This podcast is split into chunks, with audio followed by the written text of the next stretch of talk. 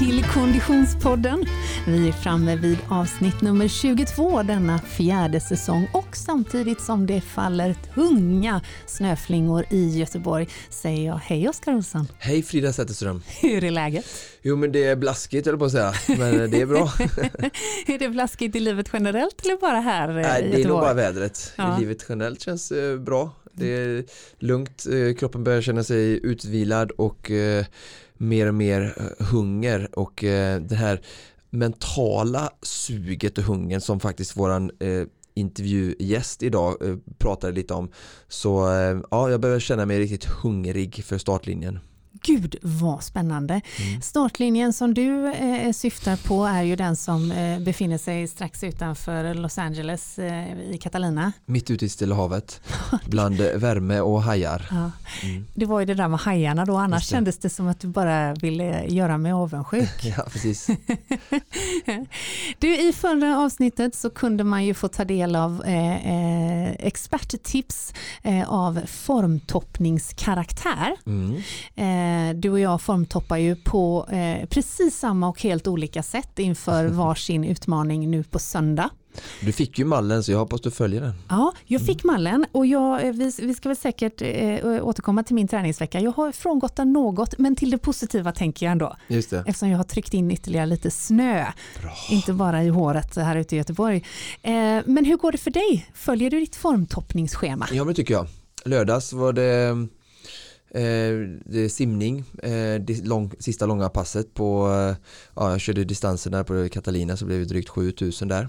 Eh, och sen var det 90 minuter lätt jogg på kvällen med lite fartökningar. Mm. Och sen söndag hade jag en eh, riktig återhämtningsdag med kallbad och yoga och eh, god mat och bara fötterna i högläge. Jag tog en timme, 20 minuter promenad för att inte sträcka ihop helt utan hålla igång kroppen.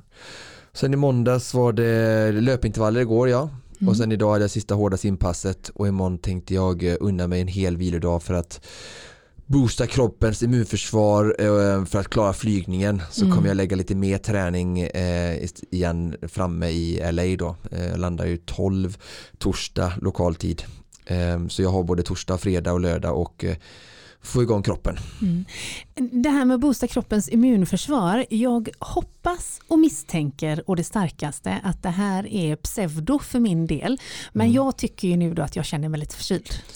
Ja, och det, du ska ju sen sitta i en bil upp med produktionsniklas och din man. Det är ju säkert massa bakterier här där också så att det är överhängande risker. Ja, Men, men, men, men Nej, skämt det är nog bara då. mentalt kanske. Ja, det är Ja. så eller? Ja, alltså jag, så, många, jag har coachat många människor genom åren och mycket den här sista veckan så börjar folk, eh, jag tror att det är lite så här noja Ja. eh, och man är översensitiv höll på, på alla reaktioner.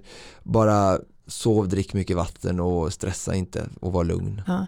Jag eh, köpte ju sån här ingefära igår då, eh, Mm, den, bra. den, som, som min familj alltid dricker. De får Mm. dem i shotsglas på morgonen som jag serverar. Jag köpte hela flaskan och liksom typ klunkade i mig. Tänker att det kan vara halsbränna också. Ja, precis, det skulle kunna vara det. Jag dricker ingefära eh, guldmjölk varje morgon och kväll nu den här sista Ja. veckan så det brukar funka bra, rensa bort det mesta. Mm, det är lite samma här. Eh, jag hoppas verkligen och eh, ber till alla eh, friskhetsgudar att jag ska hålla mig på rätt sida strecket. För jag kommer inte att fixa nio mil med förkylning. Nej, det är sant.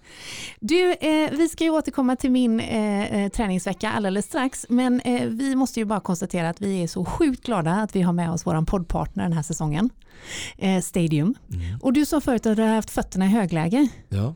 Såg du när jag hade foten i högläge? Jag vet inte var, var, varför jag var så, jag var upptagen under de timmarna den dagen så jag, jag, jag hade inte så mycket kolla noga och det var ju lite då som coach men jag såg någonting några rosa skor uppe på dina vanliga skor och någon balansövning, såg ut som det här barnet eller vad säger men flygande. Ja, nej, men det här var ju då, eh, Stadium eh, har ju, är ju väldigt aktiv på sina sociala medier och eh, Konditionspodden kommer ju att bli en ganska aktiv del av Stadiums sociala medier under Vasaloppet. Mer om det alldeles strax. Men en av de saker som Stadium gör och gjorde på Instagram var att de slängde ut en utmaning. Den hoppar du på direkt. Den hoppade jag på direkt och det Men inte mina ofta. utmaningar. Nej, det här var ju lite mer up my alley så att säga. ja, det handlade om att balansera en sko ovanpå en annan sko när man eh, förflyttade kroppen eh, 180 grader. Lite svårt att förklara, enklare att se i bild.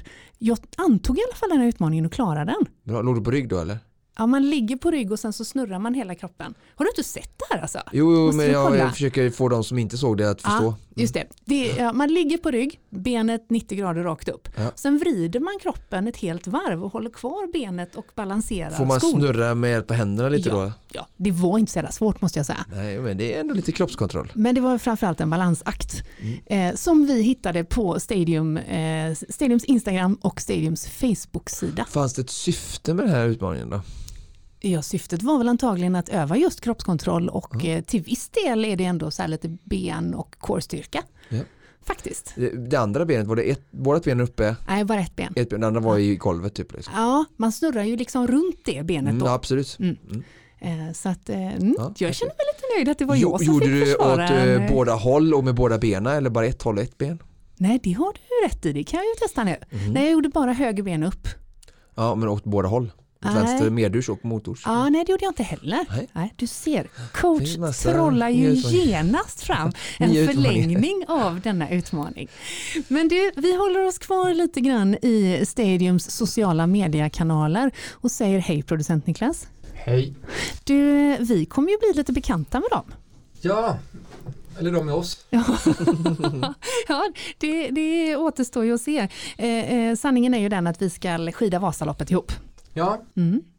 Med flagga på ry- ryggen. Ja, det är allt det här ligger på producent Niklas axlar. Han, kommer få mycket tuffare, eh, det är högre hastigheter ner från Eversberg kan jag upplysa än det är springandes ner från Götaälvbron så att eh, det kommer mer sån Just det. segelvarning på honom där. För, för de eh, Konditionspodden-lyssnare som har hängt med oss ett tag vet ju att vi gjorde en motsvarande utmaning i eh, våras när jag eh, debuterade med Göteborgsvarvet. Och, eh, kära Oskar Olsson sprang baklänges framför mig och filmade och eh, eh, höll mikrofonen i högsta hugg och flaggan på ryggen. Mm. Nu får vi motsvarande situation fast du behöver inte skida baklänges Niklas. ja, jag känner att det var kanske, jag skulle kunna tänka mig att byta med Oskar nu. Två timmar runt Göteborg eller I Vasaloppsspåret. Ja. jag drog det kortast. Ja, det kan man säga. Vi hade sol och värme och korta shorts vad säga. Ja, just det. Eh, nej, men det vi, har, vi får ju onekligen en del frågor på hur, var man kan följa detta, denna upplösning, denna kulmen utav Vasaloppsprat. Ja, Frida på glid. det Frida på hoppas glid. jag att, eh, men huvudkanalen är ju Stadiums Insta då. Mm. Och eh, sen eh, kommer det väl smitta av sig till, Till- Till både höger och vänster. höger och vänster och det sprids höger och vänster. Men, men vi ska göra en så kallad takeover då på Stadiums eh, Instagram. Precis, så håll koll både på Konditionspodden och Stadium. Och jag eh, ska säga, jag har faktiskt varit och, och eh, modifierat den här flaggvästen. Sytt på lite extra remmar och Bra! tight. Och sen eh, vaknade jag en morgon med så här lätt panik bara. Nästan så här som en vaknar med en mardröm. Oj då. Tänk om jag inte hinner med. Jag hinner med Frida. Så jag var tvungen att ringa Oskar. Det är snabbt trodde hon kommer köra. ja, jag tror inte att detta är några problem. Jag har fortfarande som tydlig ambition att klara mig. Ja. Ja, och det ska nog gå bra. Då kanske jag också klarar mig. Ja. ja, det återstår ju att se. Men det har tränats en del. Det, ja, vi har tränat och känts på det. Alltså, men eh, helt ärligt så har jag ju bara kört eh, intervaller och korta pass. Jag har haft ett, ett långpass på tre timmar liksom, Mm. på snö. Mm. Så det, Det är bättre än noll. Ja, det är bättre än noll är det. Men jämfört med tidigare Vasalopp som jag har åkt så är det ju en annan eh, strategi. Ja, just det. Jag tänker i och för sig att hemligheten ligger där i jämföra med tidigare och Vasalopp man har åkt. Bara där har man ju lite.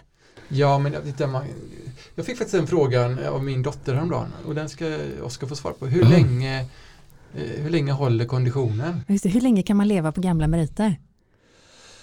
Ja, alltså för varje pass man har gjort så, eh, mot någon annan så har man ju det någonstans i liksom, muskelminnet med sig på något sätt skulle jag säga. Och sen är det väldigt mycket såklart eh, eh fysiska förutsättningar. Vissa har bättre kondition eh, precis baserat på sin, vad man gjort innan. Men man brukar ju säga att eh, efter kanske tre veckor så så började liksom eh, det stora förfallet liksom från, eh, alltså man har ser en ökning om man tränat på, ja men om du har ja. tränat på bra så ser man en bra ökning i ja. upp till tre veckor där mm. kroppen kan bygga sig starkare men sen eh, om du varit från träningen i mer än tre veckor så börjar det verkligen liksom du brytas ner alltså, alltså du blir sämre och sämre för varje dag som går liksom mm. ju, alltså från ditt senaste pass och eh, eh jag vet inte hur lång tid det tar, alltså man fortsätter bara bli sämre och sämre. Eh, men eh, man kan ändå säga så här, det korta svaret är ändå att kondition är ju en färskvara och eh, det man har gjort innan sätter en väldigt stor, spelar stor prägel. Jag har ju många exempel på människor som har spelat fotboll i 10-15 år ehm, och det finns många exempel, det är väldigt vanligt just bland svenskar då, att just för fotboll är så stor i ungdomsålder.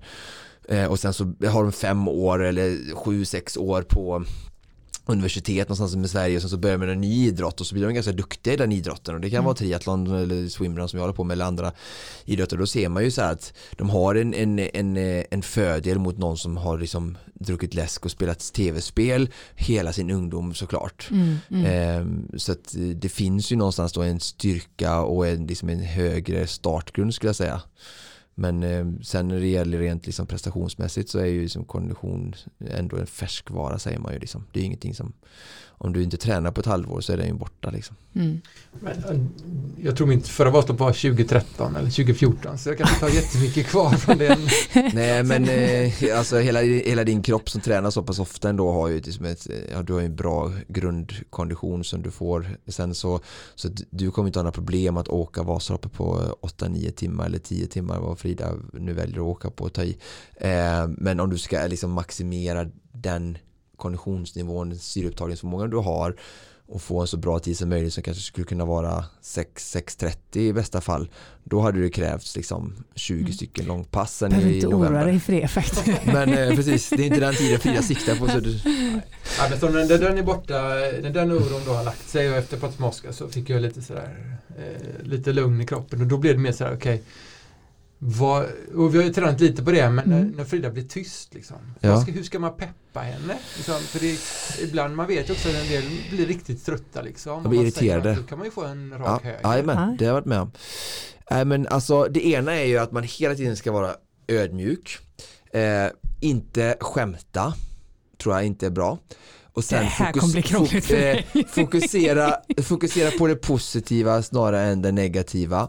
Och sen faktiskt tror jag prata mindre. Fortsätta peppa men inte prata för mycket för det kan bli att man också överpeppar och kan det bli slitsamt för att när man blir väldigt trött så behöver man få vara lite i sig själv och kämpa och sen lite mer sällan komma med lite bra peppade tips. Och det kan också vara informativa saker som nu är det bara fyra km kvar till nästa kontroll eh, där planerar vi och så tar vi lite sånt här, vi tar lite blåbärssoppa, vi tar lite varm buljong eh, behöver du stanna och kissa, det har vi tid med eh, så är reptiden nära henne så ska man inte prata om reptiden alls för då kanske det skapar oro och spänningar tycker jag. Så att fokusera på det positiva och sen jobba mycket med information.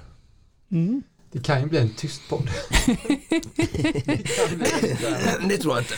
Otroligt spännande att följa detta känner jag. Ni jobbar med media bägge två, kom igen lite nu och så gillar ni träning, alltså det kan ju inte bli bättre. Nej, nej, nej. Jag det finns många andra runt omkring oss som ja. vi kan prata med. Som du kan prata med. Kan prata med. ja, det finns typ sådana big no, no, det är så här, kolla här, du, kolla här, hej vad heter du, jag heter Roger, kolla här Frida, hon ser inte hon lite trött ut, kan inte du heja på henne? Sådana är inte bra. Den vill vi inte ha tror jag faktiskt. Men vi har ju faktiskt ett par eh, kompisar som jag tänker vi skulle kunna ta rygg på. Det är ju Mattias Svan och Clara Henry. Mm. Jag tänker att om vi, om vi liksom ser dem så har vi någon Just det, just det. De lär ju starta kanske lite längre fram, jag vet inte vad de startar för startled men om de, garanterat. då kan ni köra ikapp dem. Upp. Vi, ja, vi, vi ska ju prata med henne på lördag, vi får fråga det. Vi får kanske fråga. SVT har en sån eh, vet du, gräddfils Ja, startled 10 tror jag vi är va? Mm. Mm, just det. Ja, det blir spännande Hur många starter finns det? Tio. Nej, jag vet inte faktiskt. Men jag, Men det är härligt att stå längst bak där man Ja. ser väldigt ja, ja. mycket människor. Ja. Det ser väldigt trevligt ut. Ja. Jag tänker att det blir svinjobbigt att stå för långt fram för då kommer alla åka om mig hela tiden och ropa ur spår tills jag får ont i öronen. Ja. Ja, det vill jag inte heller vara med om. Det är bättre att åka om. Mm, just det, det är en bra ambition. Ja, vi befinner oss i formtoppningsveckan har vi redan konstaterat och eh, jag fick ju ett detaljerat schema såklart av dig. Eh, eh, Jag har följt det ungefär fast jag var tvungen att kasta om lite. Ja. Eh, Jag skulle ju ha ett, eh, vi gjorde ju ett teknikträning eh, Fredags. i fredags och sen så skulle jag ju då kört ett långpass på lördagen. Det la jag på söndagen. Mm. Ja. Så nu är jag lite off, men ändå. Ja. Och det var ju då det här två timmar på gymmet som var tre timmar förra det, veckan. där det. det. var uppdelat på stakmaskin, gångintervaller med kraftig lutning och cykling 20 minuter vardera. Det där snurrade jag två varv, två timmar. Bra, Så det var ändå bra. perfekt, jättebra. Eh, och det var ju söndagen då. Eh, sen var det måndag. Eh, nu ska jag försöka komma ihåg här då. Det var ju, just det, precis, då var jag tillbaka i eh, skidom. Då skulle jag egentligen haft intervaller. Mm. Ja. Fast jag var så himla sugen på att testa den här teknikträningen som du och jag hade. Ja. Eh, så då blev jag lite fokuserad på det. Mm. Eh, och så hade jag heller inte vallat skidorna så att det var lika bakhållt som det var dåligt glid. Så att jag fick verkligen koncentrera mig på stak, stakning. stakning. Ja, ja. Så det var ju bra. Eh, så där körde jag sju varv. Eh, så det blir lite lugnare men ändå godkänt Ja. hoppas jag. Så där befinner jag mig. Och idag hade du Idag tror jag att det står eh, styr, lättare styrkepass på, ja, på schemat. styrkeaktivering. Ja. Precis, nu har jag en 15-åring som ska ha födelsedagskalas i eftermiddag så vi får se hur vi får ihop det. I gymmet. Ni er kalas i helgen här sköljde du på också ju. Ja, nej, jag, sky, jag skyllde inte på det, Nej. det var ett, ett konstaterande eh, Ja. att släkten delade upp sig på två. Eh, men, Så ni har både helgen och kalas idag då? Jajamän. Och för övrigt kan jag säga Oskar, jag har ju konstaterat det här tidigare att du är ju så integrerad i min familj så Mm. att i morse när vi sjöng för 15-åringen på sängen eh, så hade han, eh, fick han ett paket som var väldigt tungt, eh, ganska exakt fem kilo tungt. Mm. Och när han öppnade så sa han, ja det här är väl något träningsgrejer, för han trodde han att han skulle få. Varpå hans lillebror sa, mamma är det Oskar i paketet? klockan, klockan 06.30 och min familj bara Stackars barn, vad har jag gjort? kan dock eh, eh, eh, lugna alla med att säga att han fick, eh, som han faktiskt hade önskat sig, ett tyngdtäcke. Det var fem kilo eh, i Bra, detta. men du jag hoppas att du förklarar för dina barn att det, det du Henrik håller på med är ju självvalt. Inte- Jag har inte påtvingat er detta, mamma och pappa. Så det inte blir liksom någon negativ Nej, eh, de tycker associering. detta är, nej, nej, de tycker detta är så, så spännande Bra. och eh, eh, kul. De kommer ju få vara själva hemma höll jag på att säga helgen, så de är så glada alltså. Bra. Ja. Men nu ska vi ta oss till någon som kommer att prestera å det grövsta i just helgen. Vi ska ringa upp Emil Persson.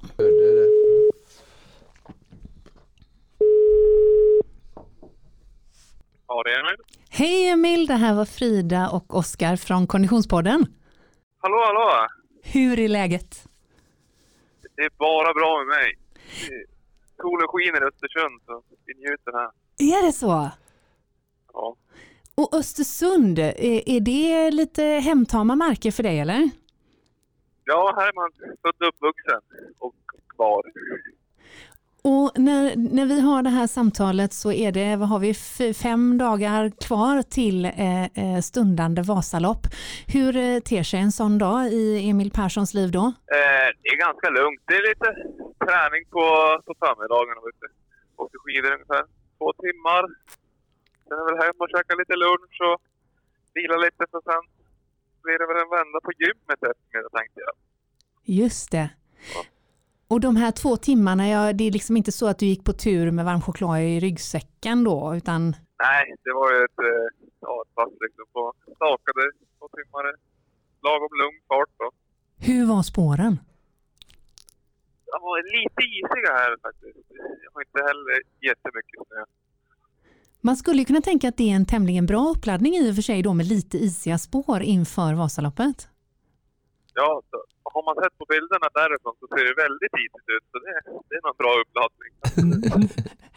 Du eh, Emil, eh, du är ju eh, en av åkarna i Lager 157 Ski Team och vi har kunnat följa din karriär som har, kan man säga, exploderat det allra sista nu eller? Eh, ja, det kan man lugnt säga. Den har gått väldigt fort framåt. Eh, du, vi, vi, ska få, eh, få förmånen att höra hela din eh, skidåkningsresa alldeles strax. Men innan vi gör det så tänkte jag bara ta tillfället i akt och reda ut begreppen lite. För jag misstänker att många av Konditionspoddens lyssnare har järnkoll på detta.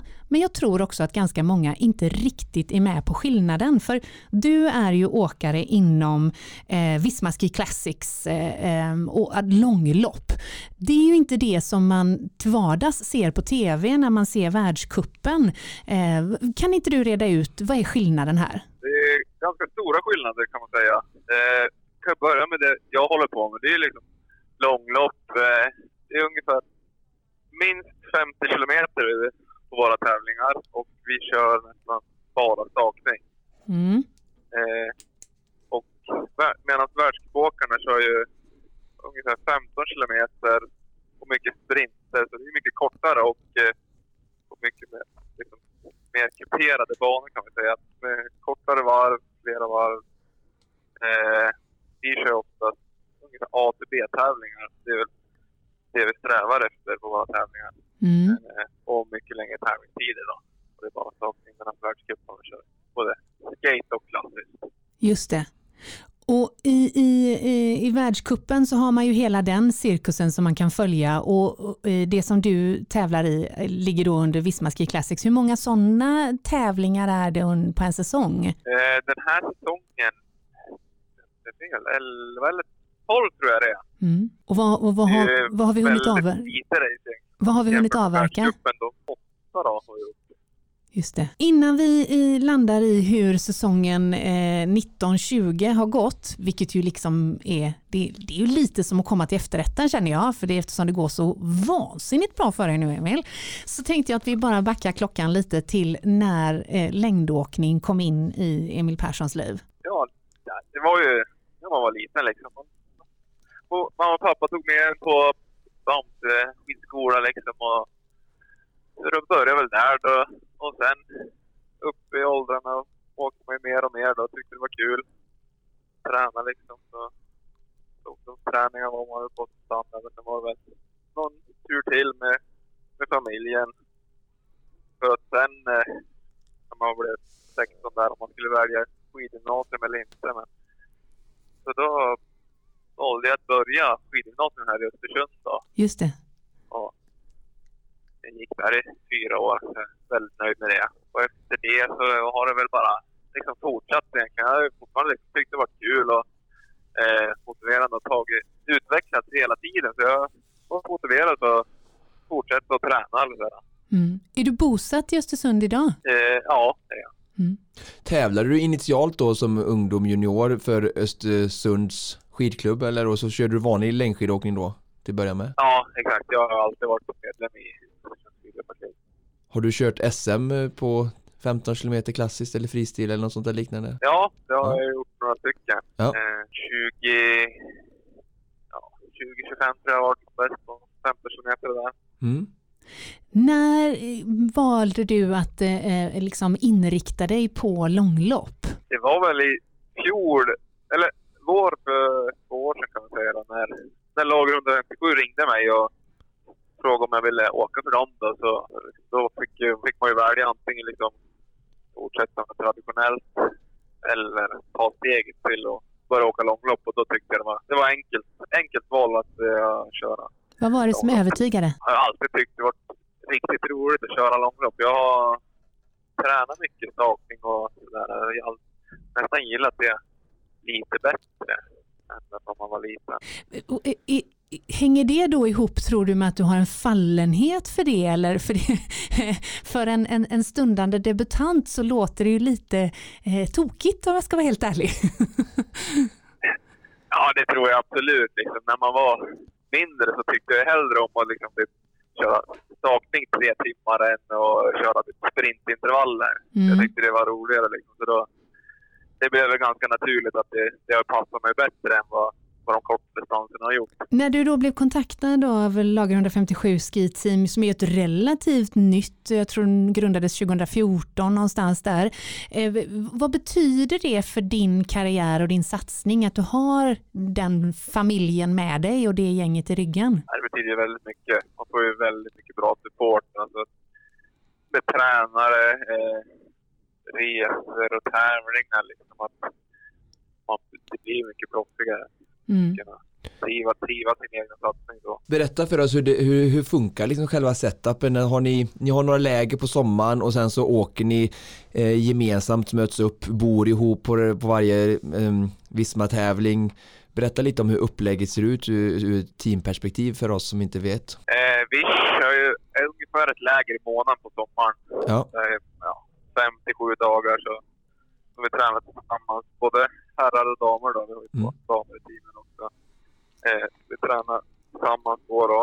Eh, in mot vintern, tävlingarna så åker vi och på tävlingshelgerna bor vi ofta i lägenheten så vi lagar mycket mat själv. Och, så det är bra sammanhållning mm. hela vintern. Liksom, också så. Och det är väldigt många dagar och timmar tillsammans. Och Valla-team har ni med er? Eller vallare kanske? Eller? Ja, vi har ju två till tre stycken med på varje tävling supportar oss med vallning, eh, testa skidor och liksom langa vätska under racen och gå på lagledarmöten där så eh, det är grymt service. Det, det är kul tycker jag som, jag är ju eh, verkligen en skidnörd och eh, kan väldigt mycket mer än Frida om skidor. eh, Men, eh, och har följt långloppskuppen såklart från eh, den startade och det är kul att det kommer lite mer.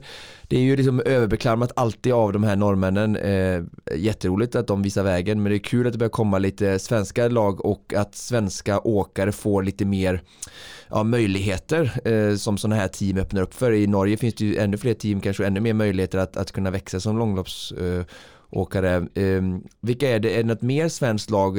Jag vet att eh, Serneke hade ett lag, men har de lagt ner nu? Är ni ensamma eller finns det fler svenskar? Nej, Serneke fortsätter. De har några stycken killar som är starka och så. Ja. Och sen har vi Ramudden då. Eh, ett ganska nytt team. Jag tror det är andra året de är inne på nu. Ja. De, de har kört väldigt bra. Det var Max Novak som väldigt jämnt. Vilka, vilka är topp... Ja just det, Lina. Just det. Mm. Mm. Mm. Om vi tittar lite grann på, på den här säsongen som vi eh, eh, befinner oss i just nu. Eh, kan du sätta fingret Emil på vad det var som gjorde att, du, eh, att, att det går så vansinnigt bra just nu? Nej, det är nog inget specifikt det är liksom enstaka grej som har gjort det. Utan det var träna liksom bra i två år nu utan större problem. Varit mycket frisk liksom och skadefri och mm. haft bra kontinuitet i det liksom. Och, eh, eh, och kunnat utvecklas så bra som möjligt. Men det finns väl ingenting att sätta peka på just det som har gjort att man tagit steget. Utan det är nog hårt arbete över tid som gjort det. Vi hade ju dubbelsvensk seger i Livigno tidigare i, i början av december. Eh, eh, eh din lagkamrat Britta Någren och, och, du vann båda. Och för, på herrsidan var detta första gången på väldigt länge du. Som en svensk Ja, det var på tiden. Ja, det var, på tiden. Kändes det skönt att det var du ja, det var också? Kul. Ja, såklart. Det är alltid, det är alltid kul att vinna. Eh, absolut. Du återupprepade ju det, vinst i, i eh, långlopp i Kaiser Maximilian Lauf eh, eh, relativt nyligen. Eh, berätta om det loppet. Det var ju ett lopp jag kanske inte på förhand skulle ha någon chans att vinna, men... Det är väldigt liksom kuperat liksom, lopp. Ja. ja, precis. Ja. Det, det, brukar inte vara till min fördel. jag, gillar, jag gillar lite plattare banor. Eh, men jag tror jag liksom hade bra skidor och en bra form och liksom, som loppet utspelade sig så blev det ju en klubbspurt där man var... Där vet att jag har en bra chans. Och då det gick liksom, allt gick min väg den dagen kan man säga. Upplever du att du precis som eh, Nygård då, som vi vet är bra eh, hängåkare även om han är väldigt stark och, eh, men har framförallt en, en bra spurt att det är ett, ett, ett, vapen du kan använda till skillnad från vissa andra som är kanske bättre på att gå tidigare eller ja. Ja, absolut. Det, är- det är ju min starka sida. Det är det, på det sättet jag kan vinna. Så jag Ja. behöver absolut inte spela ut något kort innan upploppet känner jag. För det, det har jag inte chansen på. Det finns många som är mycket bättre Just det. än mig på att liksom, gå tidigt i loppen. Så jag, jag försöker åka så snålt och billigt liksom. Just det.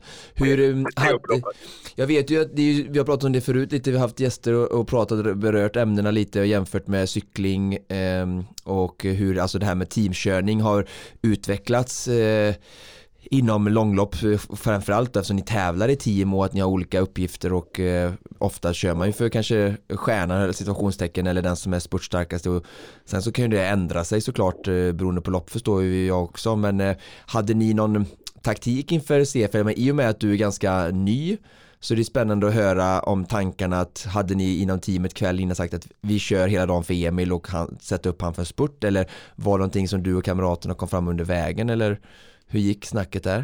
Eh, nej, det var ju inte den planen jag hade från innan start direkt. Utan det var kanske spela ut liksom någon annan Ja. i sista backen där. Att är de starka så får de gå. Ja, För det är liksom, många är trötta och det är liksom, är man stark där så kan man, har man alla chanser att kunna gå ifrån och vinna. ja, Eh, så det var väl kanske liksom grundplanen. Och för mig var det ju egentligen bara åka så billigt och försöka vara med hela vägen in i mål. Då. Så för min del så blev det liksom, på det sättet loppet blev så blev det helt optimalt för mig. Det blev ju samlat hela vägen. just det. Vad är det för distans i Kaiser Maximilian? Eh, 60 kilometer tror jag var. Mm. Vad är din absoluta favoritdistans? Har du en sån? Jag ska säga fem mil ungefär. Det brukar vara liksom det bästa. Mm. Så Marcialonga och Vasaloppet är lite långt egentligen.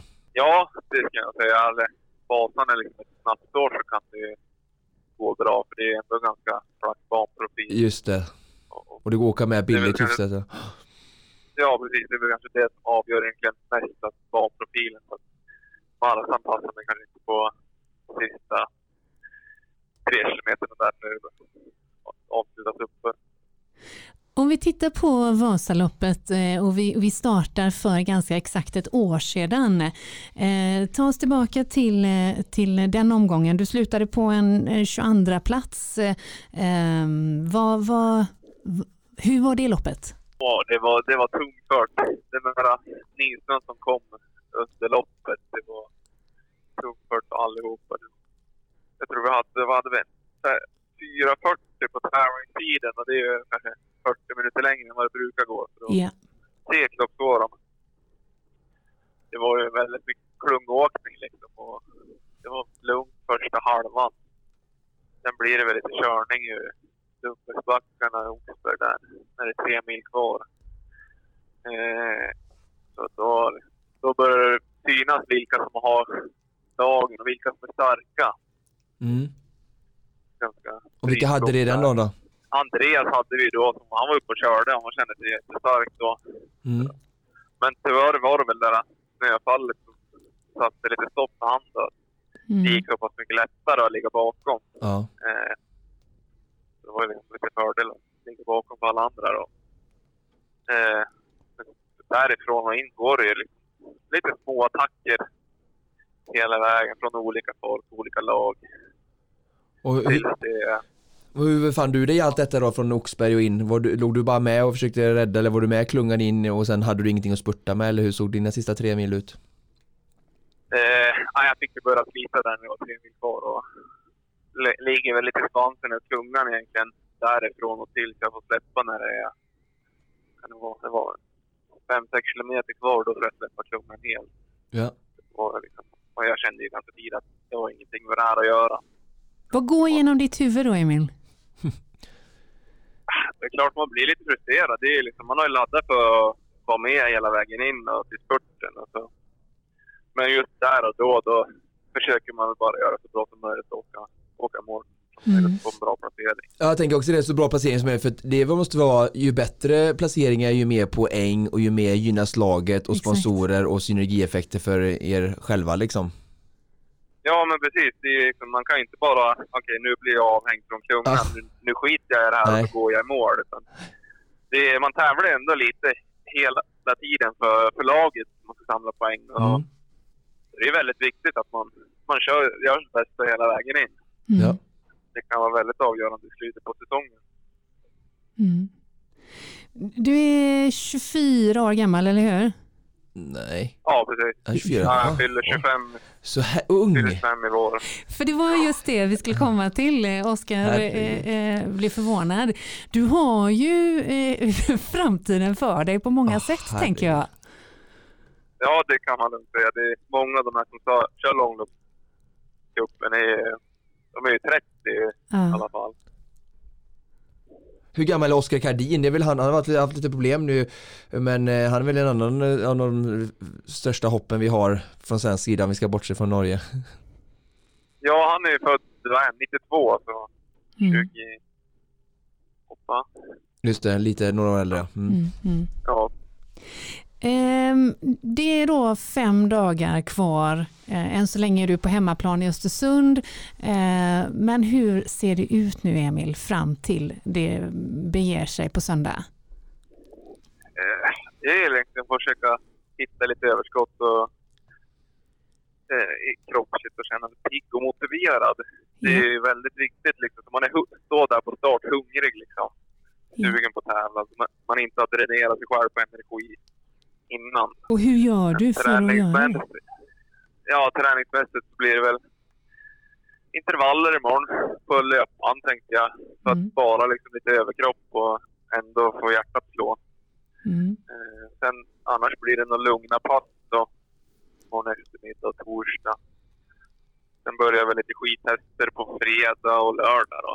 När, och du åker Ja. ner till det är härligt ändå att kunna säga åka ner till Vasaloppet. Det är vi inte många, många som, som kan göra, men för din del är det ju så såklart.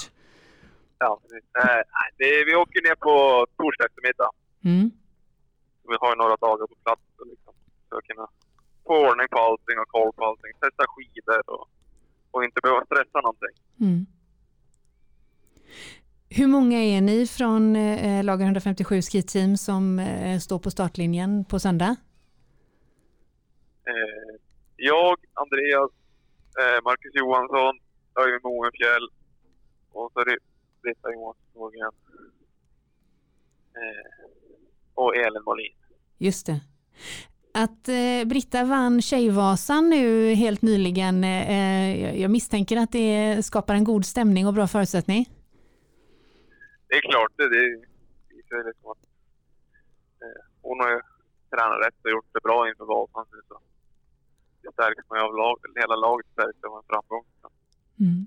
Någonting som, eh, jag tog in lite nördare detaljer, jag hjälper ju många och eh, inför Vasaloppet och sådär och jag vet att det finns stort intresse bland våra nördiga lyssnare att eh, höra lite inside eh, och eh, nutrition är någonting som vi kommer in på ofta i, ja, i konditionsidrott om man säger så. Så att jag Ja. skulle ha lite eh, kortfattat hur du eh, tänker kvällen innan och sen frukosten eller morgonen innan och sen även hur Emil Persson önskar liksom sin langning och hur den fungerar från eh, Bergaby till Mora. Ge oss din meny helt enkelt. Ja precis, en trerättersmeny, kväll, morgon, race. Eh, ja, men lördag kväll då käkar man bara liksom en vanlig middag då. Försök kanske köra pasta eller ris. Eh, som kolhydrater och sen som protein till det. Det som standardmiddag. Lite extra tar man väl bara då. Sallada. Ja, Eh, sen liksom har man en godispåse bredvid sig hela tiden där på kvällen. ja. Och småäter i och kanske dricker lite extra sportdryck. och Vänta lite, på vi, vi måste bara uppehålla oss för den här go- godispåsen. Vad vad- vad är det i den? Godispåse? Ja, det, det spelar inte så stor roll. Det är vilka, vilket godis som helst. ja. Bara socker, men du har inga favoriter, inga djungelvrål eller snabba bilar eller något sånt där? Nej, inga sådana. Det, det, jag tar vad som helst. Du vet om, om, du- vinner nu så kommer vi gå ut på söndag ja, liksom ja. att det är det här godiset som Emil Persson. Missa inte geléhallonen, det var Nej, de som precis. gjorde det. Nej, jag har ju tyvärr inget sånt. Okej, är Ja, och sen när går du upp då? Vad blir det? Halv sex kanske? Mm. Me- Mellan fem och sex kliver vi upp då. Vi bor väl bara två kilometer från starten så var ju nära bra. Ja. Mm. Eh, men då blir det väl en klassisk havregrynsgröt Mm. med en banan och mjölk och liksom någon macka till då. Mm. Eh, och inte käka inte supermycket för jag vill inte känna mig liksom uppblåst på start utan att Nej. bara en vanlig. Eh, istället kan man liksom addera något sportdryck och någon gel kanske istället. Ja. Det Lättsmält. får sig uppblåst. Ja, precis. Mm. Eh, sen kanske man trycker någon energibar strax innan start. Så verkligen Halv åtta. fylla på det sista liksom. Ja, Mm. exakt. Men sen går starten då så... Vi kör ju drickabälten då. Mm. Eh, egentligen från start. Hur ser de ut? Eh, vätskebälte med en slang upp som vi sätter på, på bröstet. Då. Ja. Mm. En camelback kan man säga då. Ja. Funkar ju lika bra med en ryggsäck. Som vi kör halvvägs då ungefär. Sen byter vi bälte då. Ja, får du Ja. någon i langare Det- i farten då så du liksom bara eh, krycker av eller älter så får du nytt? Ja, precis. Ja. Det, det står ju folk och langar då. Vi brukar köra strax efter Evertsberg. Får- Byter vi bälte då så går det väldigt fort. Man tappar ju någon meter då, men det är det värt. Ja. Man behöver energin hela vägen. Ja. Och sen brukar jag addera lite gel under hela loppet. Försöka få i ungefär en, en till två i timmen. Vad, vad, vad sätter du dem någonstans på kroppen? Eh, brukar ha liksom en liten ficka på bältet som jag brukar kunna sätta dem i. Eller så funkar det med liksom att sätta kardborren, här, klisterlappar på, på benen brukar jag sätta dem. Just det. Har du några Där, favoritsmaker? där det finns plats. Eh, nej, jag brukar köra dem med koffein. Så man får lite extra koffein också. Det, det är inte alla smaker som har det. Nej, just det. Men eh, vad är en eh, 8-10 gels och sen eh, två stycken fulla bälten camelbag då på en och en halv liter eller? Ja, jag brukar köra en liter kanske. En liter. Så Och så byter du liter Evertsberg. Ja. Ja. Det är väl det optimala, men det är inte alltid man lyckas. Alltså, man kan ju inte äta och dricka när det går som max. Så det, Mm. det är lite svårt att tajma det där. Men Ja. man försöker liksom, när det går lite lugnt i klungan, att okej, ja, men nu har jag tid, det tar jag. Även om det kanske bara gått kvart sedan jag tog senaste gelen, så kanske jag, det är kanske nu jag har chansen att ta en gel. Att det är mer det spelar. Just det. Och sen eh, firarmiddagen då? Är den i Mora eller i Sälen? Eh, middagen efter mål. Ja. Det, det, då äter man det man är sugen på, det är man värd. Ja just det, det var värd ja. Det kan bli en pizza. Det är du definitivt värd Emil. Du, eh, att tävla så här på hemmaplan får man väl ändå kalla det i relation till alla resor ni gör. Vad, vad betyder det eh, för uppladdning och för genomförandet? Det betyder inte supermycket. Det är, det är väl lite smidigare resan liksom och allt är på svenska när man åker på tävlingsplats. Det blir lite lättare så men ingenting som spelar någon roll liksom på, på min prestation skulle jag säga. Nej.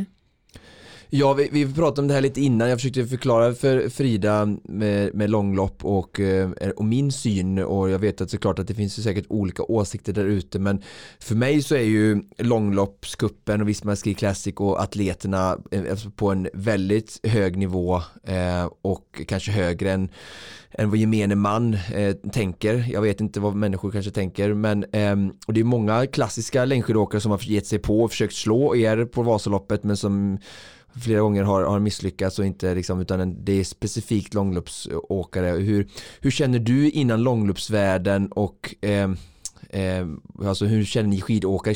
Rankar ni er lika högt som en världscupåkare? Jag skulle säga att jag sa till Frida att enligt mig så är att vinna Vasaloppet är säkert ungefär som att vinna en klassisk distans på VM. Eh, för att det är så stort liksom. Men hur resonerar ni och hur känner du?